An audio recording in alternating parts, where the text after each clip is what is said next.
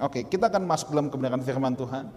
Saya akan teruskan tentang the journey of purpose bagian 2. Mengetahui tujuan membuat kehidupan kita memiliki fokus. Saya sudah katakan dari dua minggu yang lalu bahwa fokus kita itu dua. Selama kita hidup di bumi ini, fokus kita yang paling utama itu ada dua. Yang tidak boleh kita sampai miss. Yang pertama adalah kita harus mengejar keserupan dengan Kristus. Yang kedua, kita kita memulai melakukan perjalanan menuju kekekalan.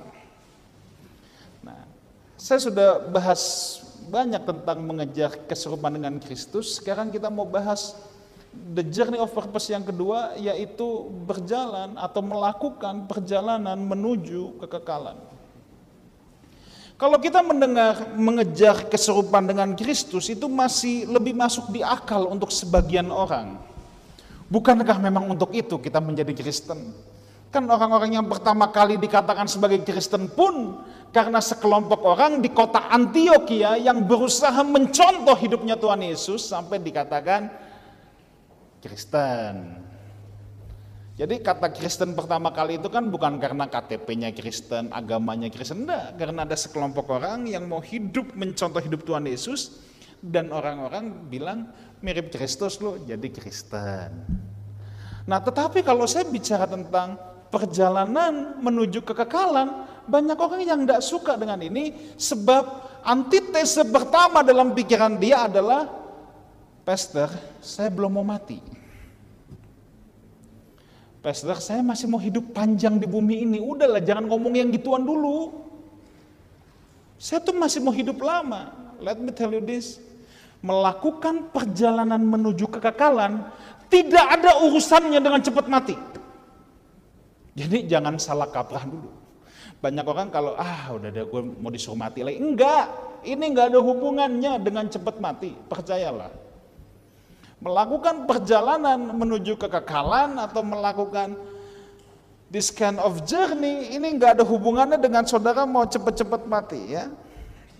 Ada sebuah prinsip dulu yang kita harus mengerti bahwa kita diciptakan untuk kekekalan. Katakan sama kanan kiri saudara, kita diciptakan untuk kekekalan. Manusia tidak diciptakan untuk hidup satu hari, hidup satu tahun, hidup seratus tahun sekalipun. Manusia tidak diciptakan untuk itu. Manusia diciptakan untuk kekekalan. Karena manusia diciptakan untuk kekekalan, mau tidak mau kita harus melakukan perjalanan itu sejak sekarang. Itu sudah konsekuensi logisnya. Sebab kehidupan hari ini adalah memang sebetulnya persiapan menuju kehidupan kita yang akan datang. Tentu ada ayatnya. Coba kita lihat dulu sebentar. 2 Korintus 4 ayat 18.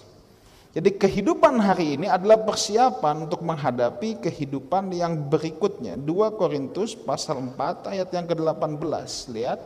Sebab kami tidak memperhatikan yang kelihatan, melainkan yang tidak kelihatan. Nah kan banyak orang, aduh Pak, pesta kita nggak usah ngomong kekekalan dulu deh, kita kita mah yang real-real aja deh, kita mah yang kelihatan aja deh.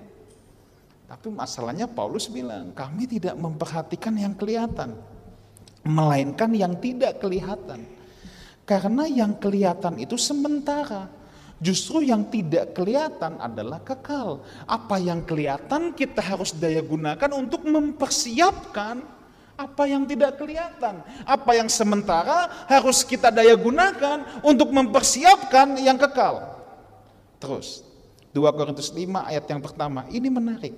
Karena kami tahu bahwa jika kemah, lihat kata ini, kemah tempat kediaman kita di bumi ini dibongkar, Paulus dengan sangat persisi digunakan kata tempat kediaman di bumi adalah kemah.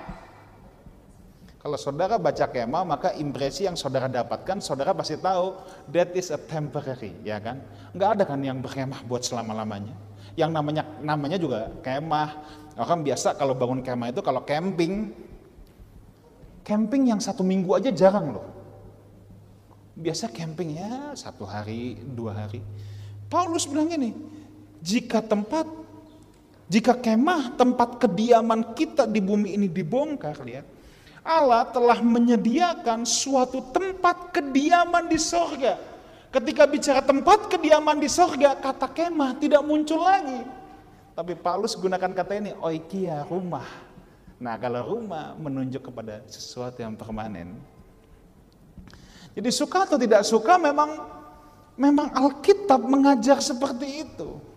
Ini tempat kediaman kita, tubuh kita ini, ini kemah saudara. Makanya bisa sakit, bisa keriput ya. Mau distrika berapa kali nanti keriput lagi ya. Distrika udah nggak mempan ditarik pakai benang, keriput lagi tetap. Nggak bisa diapa-apain. Ya memang udah begitu. Tapi Tuhan menyediakan rumah, bukan kemah, rumah yang kekekalan itu, itulah yang rumah. Nah, jadi tubuh masa depan kita itu yang dikatakan Alkitab sebagai rumah. Persoalannya saudara, kita masih di dunia. Dunia menawarkan banyak pilihan. Kenapa kita harus melakukan perjalanan menuju kekekalan ini? Sebab gini, kalau di dunia memang banyak pilihan. Tapi kalau kita bicara kekekalan, kita nggak bisa ada banyak pilihan, pilihan kita cuma dua. Kita mau sorga atau neraka. Kita mau jadi seteru Tuhan atau sekutu Tuhan. Kita mau jadi sahabat Tuhan atau musuh Tuhan.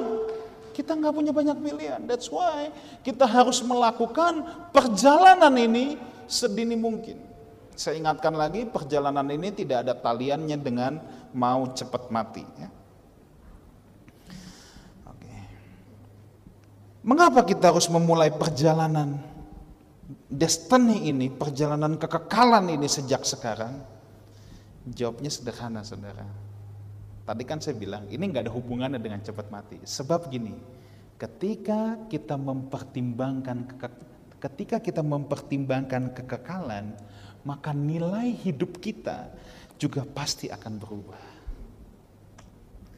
Ketika kita melakukan perjalanan ini sejak di bumi ini, ketika kita mempertimbangkan kekekalan masuk dalam hidup kita, mau tidak mau, suka tidak suka, nilai hidup kita akan berubah.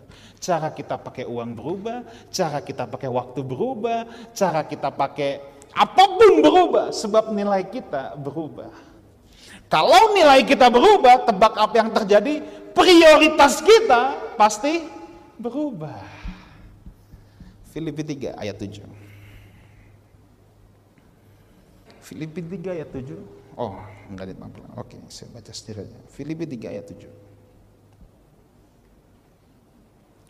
Mungkin Pak Kosyung boleh membantu saya. Ini pembaca ayat favorit saya.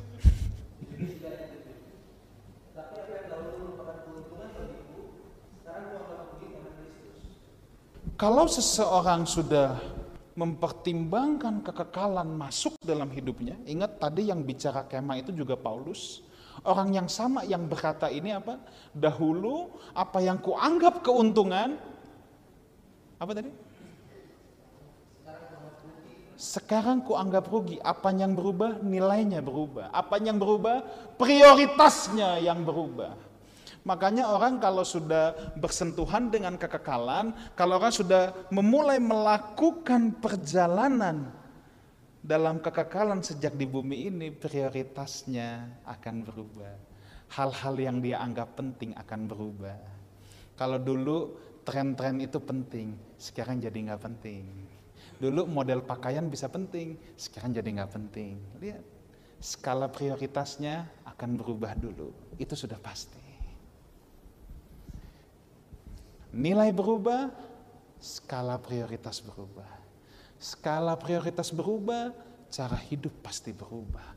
Cara hidup berubah, prioritas berubah, apa yang kita anggap penting pun pasti berubah. Itu sudah pasti. Maka Paulus bilang, dulu untung, dulu buat aku keuntungan, sekarang kerugian. Prioritasnya geser, prioritasnya beda. Inilah yang Tuhan maksud dengan kumpulkan harta di surga. Di mana hartamu berada, di situ hatimu berada. Harta adalah sesuatu yang kita anggap bernilai tinggi, itu harta. Ketika orang melakukan perjalanan dalam kekekalan, hal-hal yang dianggap bernilai tinggi itu sudah berubah lagi.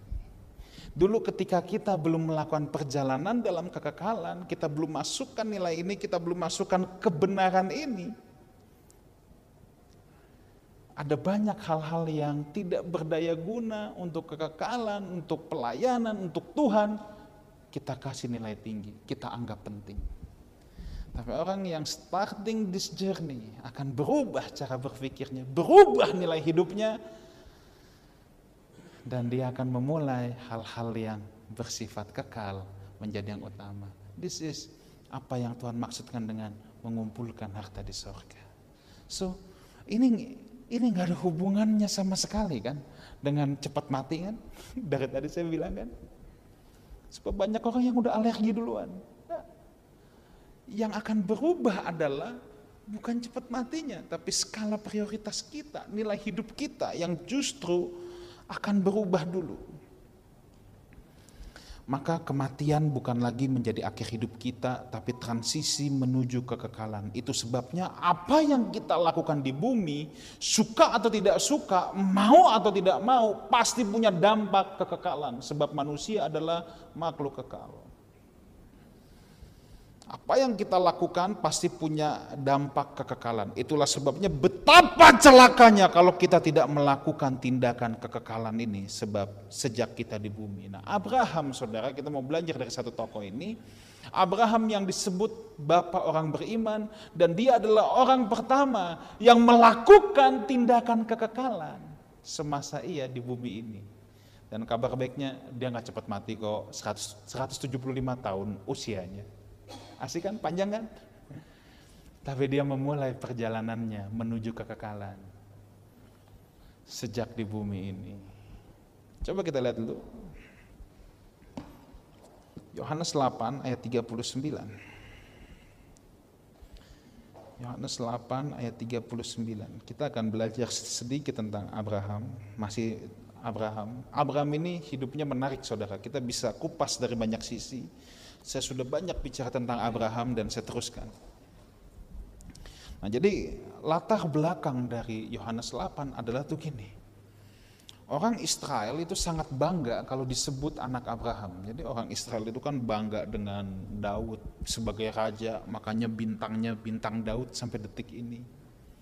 Orang Israel sangat bangga dengan Musa sebagai gurunya. Makanya bagi mereka merenungkan Taurat itu sesuatu yang luar biasa. Dan orang Israel sangat bangga kalau dirinya disebut Bapak Abraham. Sorry, anak Abraham. Makanya dalam doanya selalu Allah Abraham, Ishak dan Yakub. Dia bangga sekali. Ini kan nggak boleh diganti. Allah Abraham, Ucok Siti, nggak boleh. Mas Abraham, Ishak, Yakub.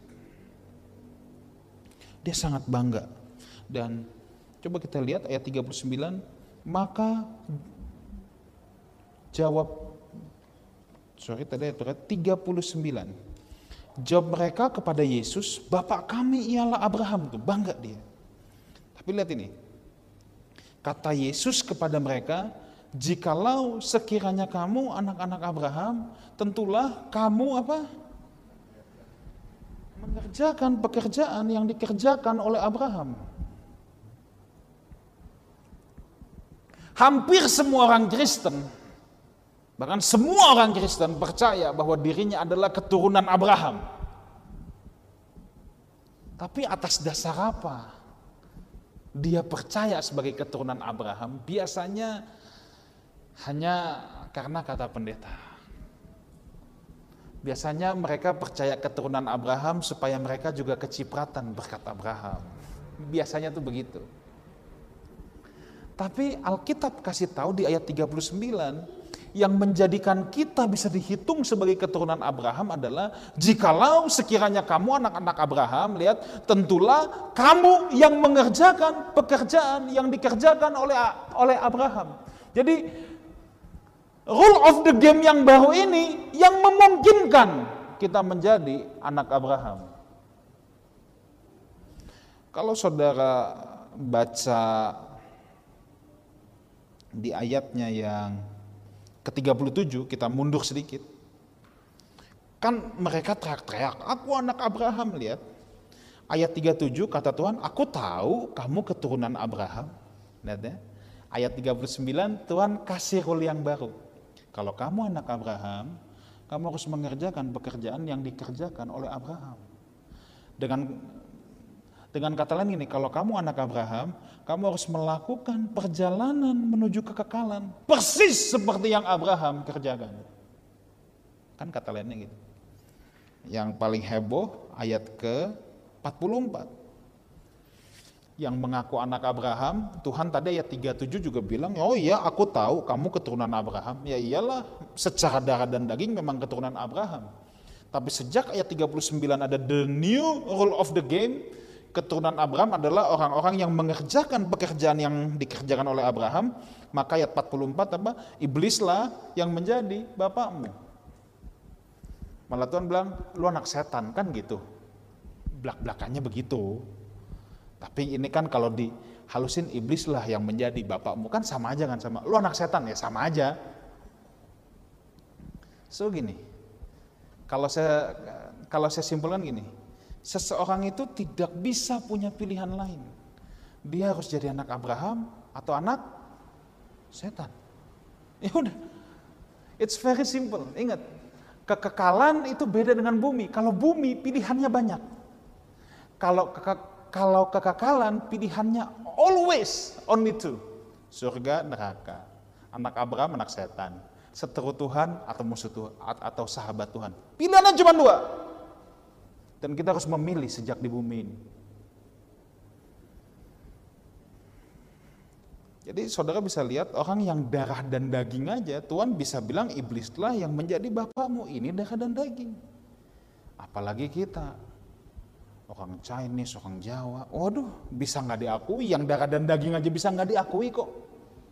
Apalagi yang nggak darah dan daging. So, kalau kita mau dihitung sebagai keturunan Abraham, kita tidak punya pilihan lain selain ini. Kita melakukan persis apa yang Abraham melakukan. Coba kita lihat sebentar Ibrani 11.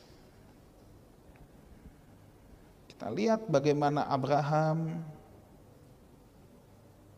bagaimana Abraham berubah nilainya, bagaimana Abraham melakukan perjalanan itu. Karena iman, ia diam di tanah yang dijanjikan itu, seolah-olah di suatu tanah asing.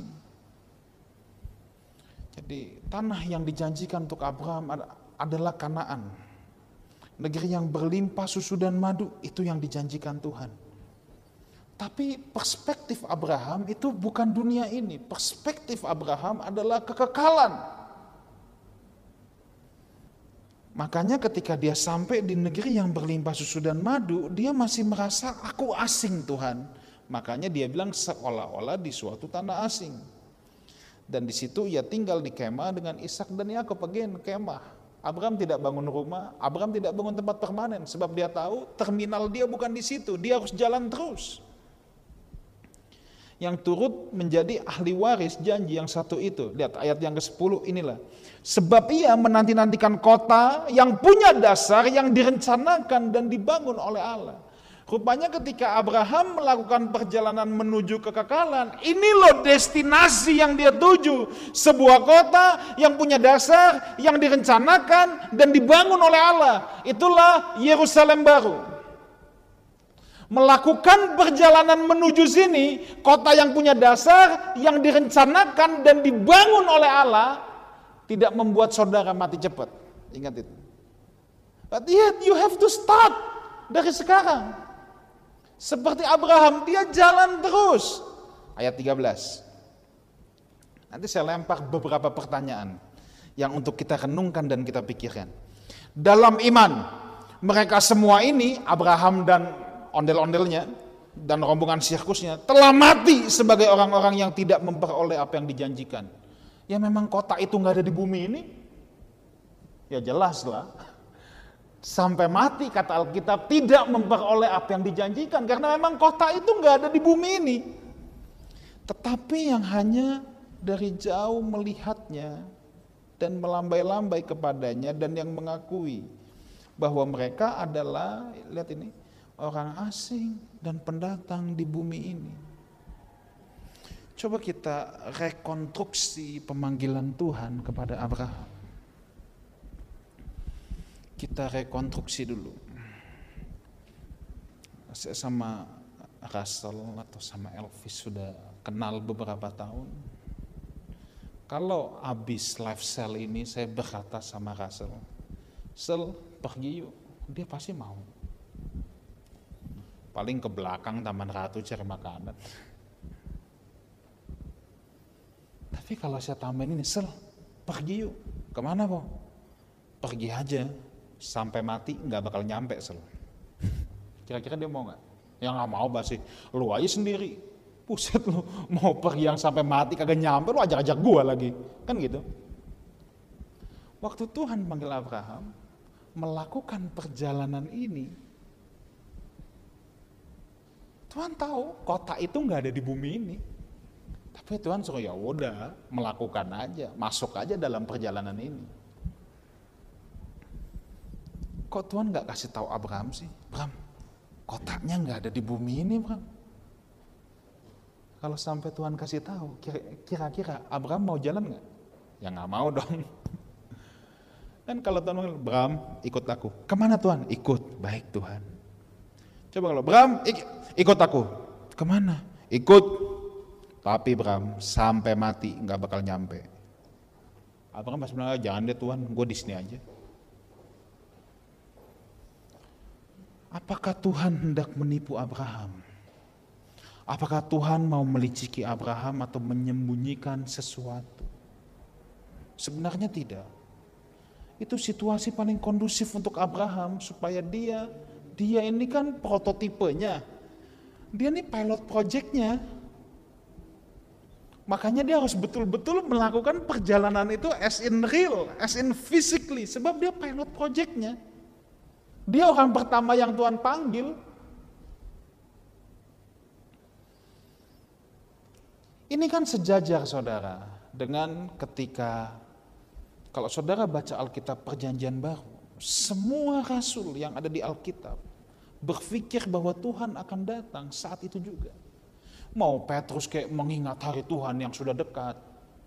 Wah kalau Paulus paling ekstrim. Kalau Paulus hidup zaman sekarang banyak yang marah sama dia. Ya sebab Paulus bilang gini, mengingat waktu yang singkat, tetaplah tinggal seperti keadaan semula itu kalau diparafrase dengan bahasa sehari-hari, mengingat waktu yang singkat, yang belum kawin, gak usah kawin lo pada. Lo gitu, iya. That's what Paulus said, iya. Bayangin, Paulus sampai kasih nasihat yang model begitu. Sampai udah yang gak usah kawin, gak usah kawin. Tapi kalau nggak tahan bikin dosa, ya udah lo kawin aja. Kan gitu Paulus. Itu yang Paulus tulis. Sebab Paulus berpikir bahwa dia akan melihat Tuhan datang saat itu juga. Tuhan diemin tuh. Tuhan gak bilang, pau pau Paulus. Atau Pet, Petrus. Tenang, masih 2000 tahun lu ngapain sih gerabak kerubuk sekarang? Tuhan diemin aja. Kenapa? Itu kondisi yang sangat kondusif. Itu situasi yang sangat kondusif untuk untuk membentuk iman mereka. Seringkali ketidaknyamanan adalah situasi yang sangat kondusif untuk Tuhan berbicara buat kita.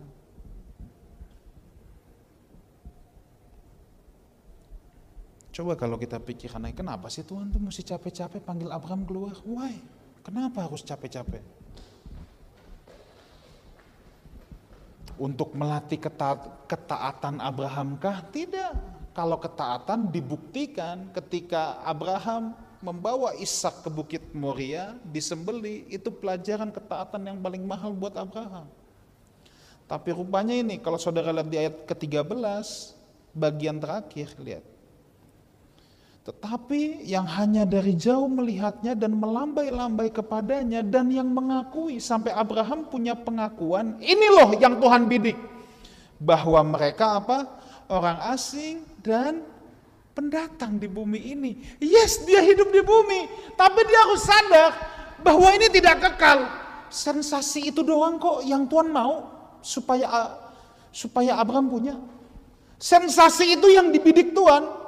Sebab sensasi itu yang dimiliki semua tokoh perjanjian baru. Maka Tuhan berkata, serigala punya liang, burung punya sarang. Anak manusia tidak punya tempat untuk meletakkan kepala. Paulus tadi kan kita udah baca, kami memperhatikan apa yang tidak kelihatan. Sebab jika kemah kami dibongkar, lihat. Sensasi sebagai orang asing dan pendatang di bumi ini dimiliki. Dan yang paling tegas tuh ini. 1 Petrus 1, coba lihat. 1 Petrus 1 ayat 17, nanti kita balik lagi.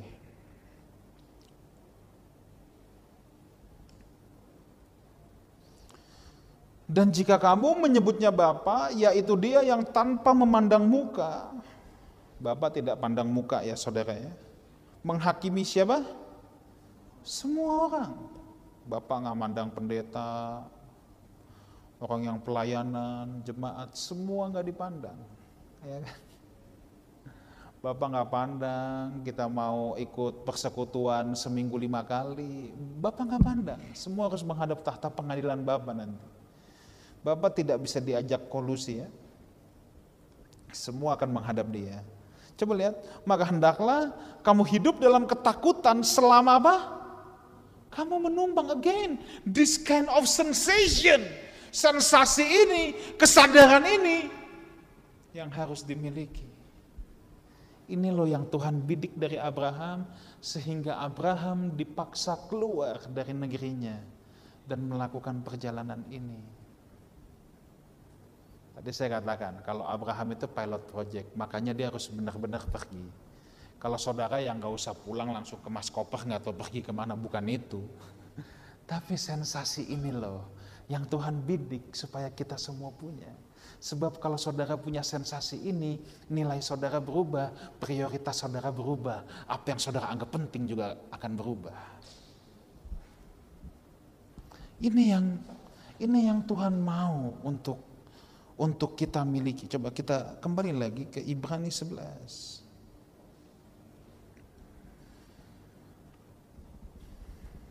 Tadi ayat berapa? Ayat 13. Ayat 14 sekarang. Sebab mereka yang berkata demikian, berkata apa? Bahwa mereka orang asing dan pendatang di bumi ini. Orang-orang yang punya sensasi ini, lihat, berkata demikian menyatakan apa bahwa mereka rindu mencari suatu tanah air selama seseorang belum punya sensasi ini yang Abraham miliki dia tidak akan memiliki kerinduan untuk mencari suatu tanah air itu ayat 15 dan sekiranya dalam hal itu mereka ingat akan tanah asal rupanya di tengah perjalanan Abraham ketemu bahaya kelaparan saya udah katakan tempo hari tapi saya ulangi lagi. Dia ketemu bahaya kelaparan yang telah mereka tinggalkan, maka mereka cukup punya kesempatan untuk pulang ke situ. Ketika Abraham ketemu dengan masalah, ketemu dengan problem, Abraham punya kesempatan untuk pulang dan bilang sama Tuhan, Tuhan, aku pulang dulu. Nanti kalau masalah lewat, aku jalan lagi. Tapi Abraham tidak lakukan itu, Abraham jalan terus.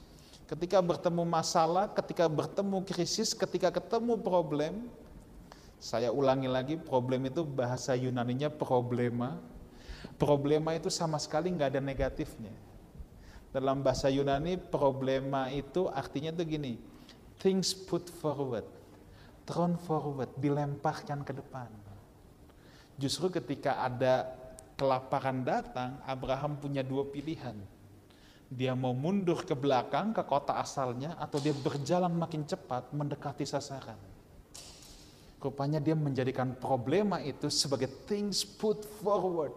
Justru dia berjalan makin cepat, dilemparkan ke depan, semakin mendekati sasaran kota itu. Itu yang Abraham kerjakan. Nah kira-kira kalau kita bertemu dengan masalah, what will you do? Apa yang akan saudara lakukan? cepat kecewa sama Tuhan atau cepat mundur ah katanya begini atau saudara justru semakin mencari wajah Tuhan pilihan ada di tangan kita. Ada orang yang ketemu masalah cepat-cepat mundur. Ah, katanya begini katanya begini. Kok Tuhan begini? Komplain doang protes doang. Atau saudara justru menjadikan masalah sebagai put things forward supaya saudara dilempar ke depan makin mendekati sasaran. Coba lihat ayat yang ke 16. Tetapi sekarang mereka Abraham merindukan tanah air yang lebih baik. Rupanya apa yang membuat Abraham tidak mau pulang sekalipun dia ketemu bahaya kelaparan, rahasianya tuh ada di sini. Abraham sudah tahu bahwa tanah itu lebih baik.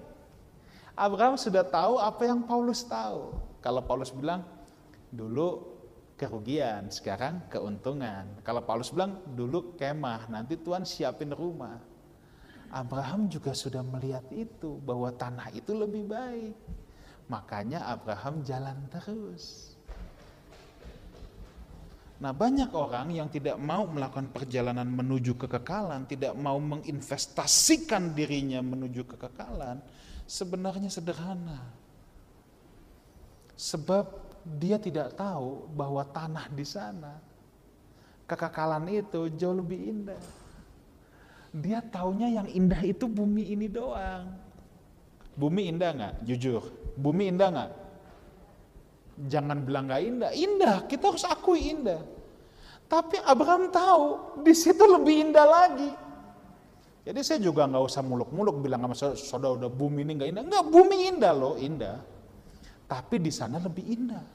Kenapa di sana lebih indah? Sebab semua keindahan di bumi sifatnya terbatas. Terbatas, ya. Oh Sydney indah saudara, tapi gitu ada kebakaran hutan, nggak indah lagi. Oh iya. Saya 10 tahun tinggal di situ, Sydney itu indah, indah banget. Bahkan dulu banyak cerita, sakit asma sampai di Australia sembuh langsung. Sekarang kebakaran hutan makin bengek tuh. Yes. Oh, kita kalau minum hot chocolate di Darling Harbor, di apa di Lins Cafe itu. Oh, enak banget. Nikmat banget sambil ngobrol. Tahun berapa? Tahun 2015 awal? Yang tiba-tiba teroris masuk ISIS, ya kan?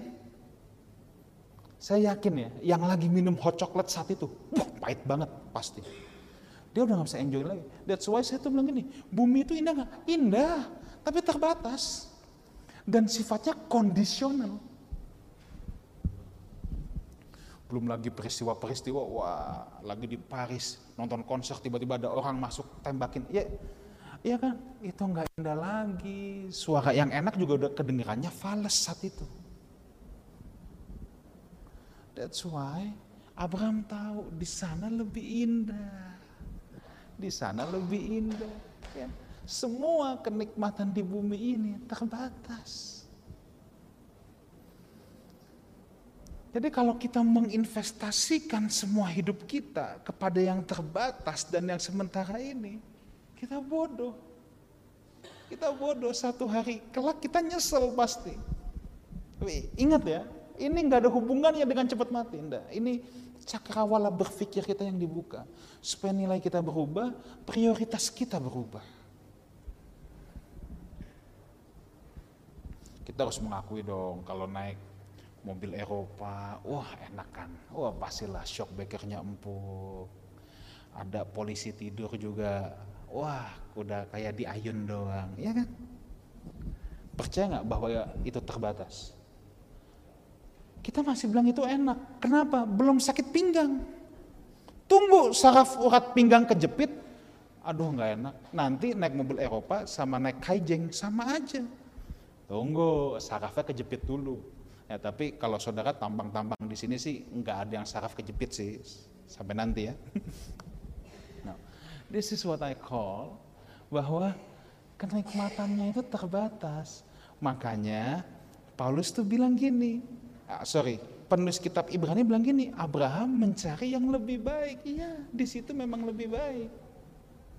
Nah kalau nilai kita berubah, kalau apa yang kita anggap penting itu berubah, maka kita udah nggak mempersoalkan lagi. Mau punya boleh, mau nggak punya boleh. Makan di bintang lima boleh, makan di kaki lima boleh. Rasanya? Rasanya? Ya beda pasti. Kecuali saraf lidahmu rusak. Naik kijang bisa, naik mercy bisa. Rasanya beda, iya pasti beda. Yang sama itu tuh sininya, hatinya. Mau di kaki lima, mau di bintang lima, sininya sama. Mau naik mercy, mau naik kijang, sininya sama. Kalau berasa duduknya pasti beda, kecuali you ambeien, sama-sama gak enak. Tapi gini, saudara nggak anggap itu penting lagi. Ada boleh, nggak ada boleh. Itu bagianku boleh, itu bukan bagianku, nggak masalah. Because itu bukan itu bukan prioritas lagi. Yang sekarang jadi prioritas adalah kalau aku tidak serupa dengan Kristus, aku harus menghadap tahta pengadilan Tuhan dan keadaanku masih jauh. Itu masalah.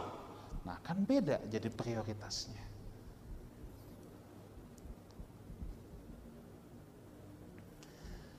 Banyak orang tidak rela sebab dia pikir memang inilah satu-satunya kesempatan untuk menikmati segala-galanya. Padahal enggak, saudara. Padahal enggak. Jadi kalau Abraham di situ dia bilang negeri itu lebih baik, oh itu nggak main-main. Itu punya dasar logika berpikir Alkitabnya, pasti punya. Oh, sekarang kalau ini misalnya handphone zaman dulu ya, wah ini udah rapet, oke. Okay. Saya minum dulu deh. Kalau ini handphone zaman dulu, yang gede-gede itu, ya, yang bisa buat timbukin anjing gitu kan, bisa buat ngulek gado-gado dulu kan, apa, Motorola tahun 90-an awal.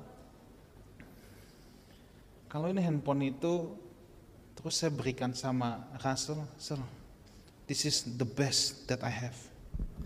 Ini yang terbaik loh yang aku punya. Padahal saya punya smartphone Kan saya bohong, ya dong. Ini kalau saya udah, udah kasih ke Russell, bilang, Sel, ini yang paling bagus yang gue punya. Russell rusakin. Terus saya bilang, bercanda deh, kan saya ada ini. Tapi sekarang gini, kalau saya kasih Russell ini, ini buat kamu, Russell rusakin, saya akan kasih pengganti persis sama begini. Kenapa dunia itu indah? Karena memang awalnya dunia itu buat manusia. Surganya manusia itu bumi memang.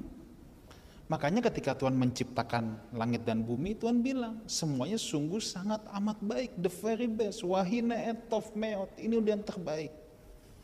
Tapi masalah, masalahnya dosa masuk. Jadi tingkat kemakmuran, tingkat kesejahteraan bumi itu turun terus. Sampai klimaksnya nanti jadi lautan api. Kalau kata 2 Petrus 3 bilang, nanti Tuhan gantikan yang baru. Itu apa? Ya persis, bumi kayak hari ini lagi, tapi nggak ada dosa. Loh sekarang coba kita pikirkan ya. Kalau Adam dan Hawa tidak jatuh ke dalam dosa, saudara nyeker atau pakai sepatu? Nyeker. Jadi kalau Adam nggak jatuh ke dalam dosa, saudara dari sini mau ke Sumatera berenang gitu. Kasihan banget. Enggak dong.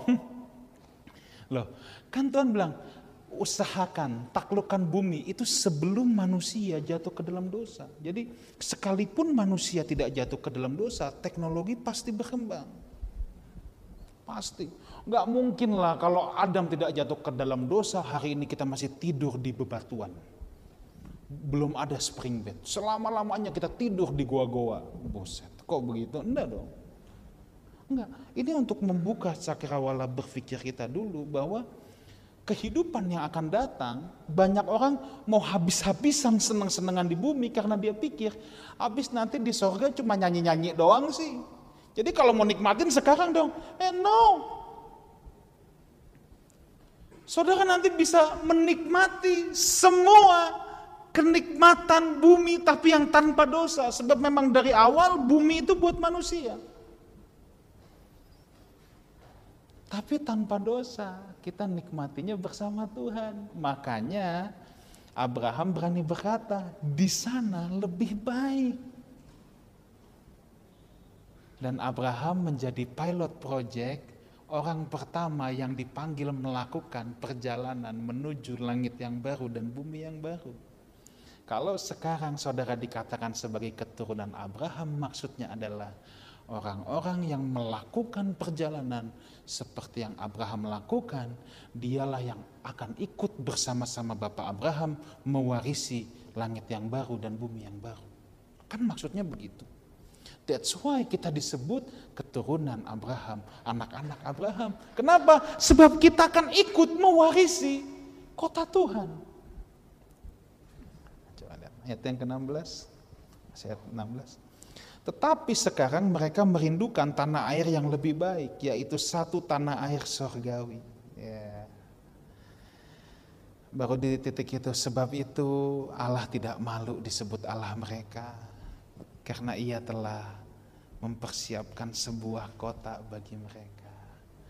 Di titik inilah Abraham menjadi kebanggaannya Tuhan. Allah tidak malu disebut Allah mereka. Kira-kira melihat kondisi hidup kita hari ini, kita jadi kebanggaan Tuhan. Melihat prioritas nilai-nilai kita hari ini, apakah Allah akan berat yang sama? Allah tidak malu disebut Allah kita. Doa saya setiap saudara melakukan perjalanan ini, percayalah, melakukan perjalanan ini tidak akan bikin saudara jadi susah, cepat mati, enggak. Cuma disusun prioritasnya. Apa yang saudara anggap harta, apa yang saudara anggap nilai tinggi akan berubah. Itu aja. Itu loh yang yang Tuhan susun. Supaya hatimu tidak melekat lagi. Orang yang memulai perjalanan ini yang mengumpulkan harta di sorga, yang menaruh hatinya, menambatkan hatinya seperti Abraham pada kota Tuhan, dia akan punya prioritas yang baru. Dia akan punya prioritas yang baru. Apa yang dia anggap penting hanya Tuhan dan kerajaannya. Doa saya setiap kita boleh merasakan sensasi ini. Aku hanya pendatang dan orang asing di bumi ini. Kejar ini keserupan dengan Kristus dan perjalanan menuju kota Tuhan. Amin. Kita bangkit berdiri, kita datang sama Tuhan.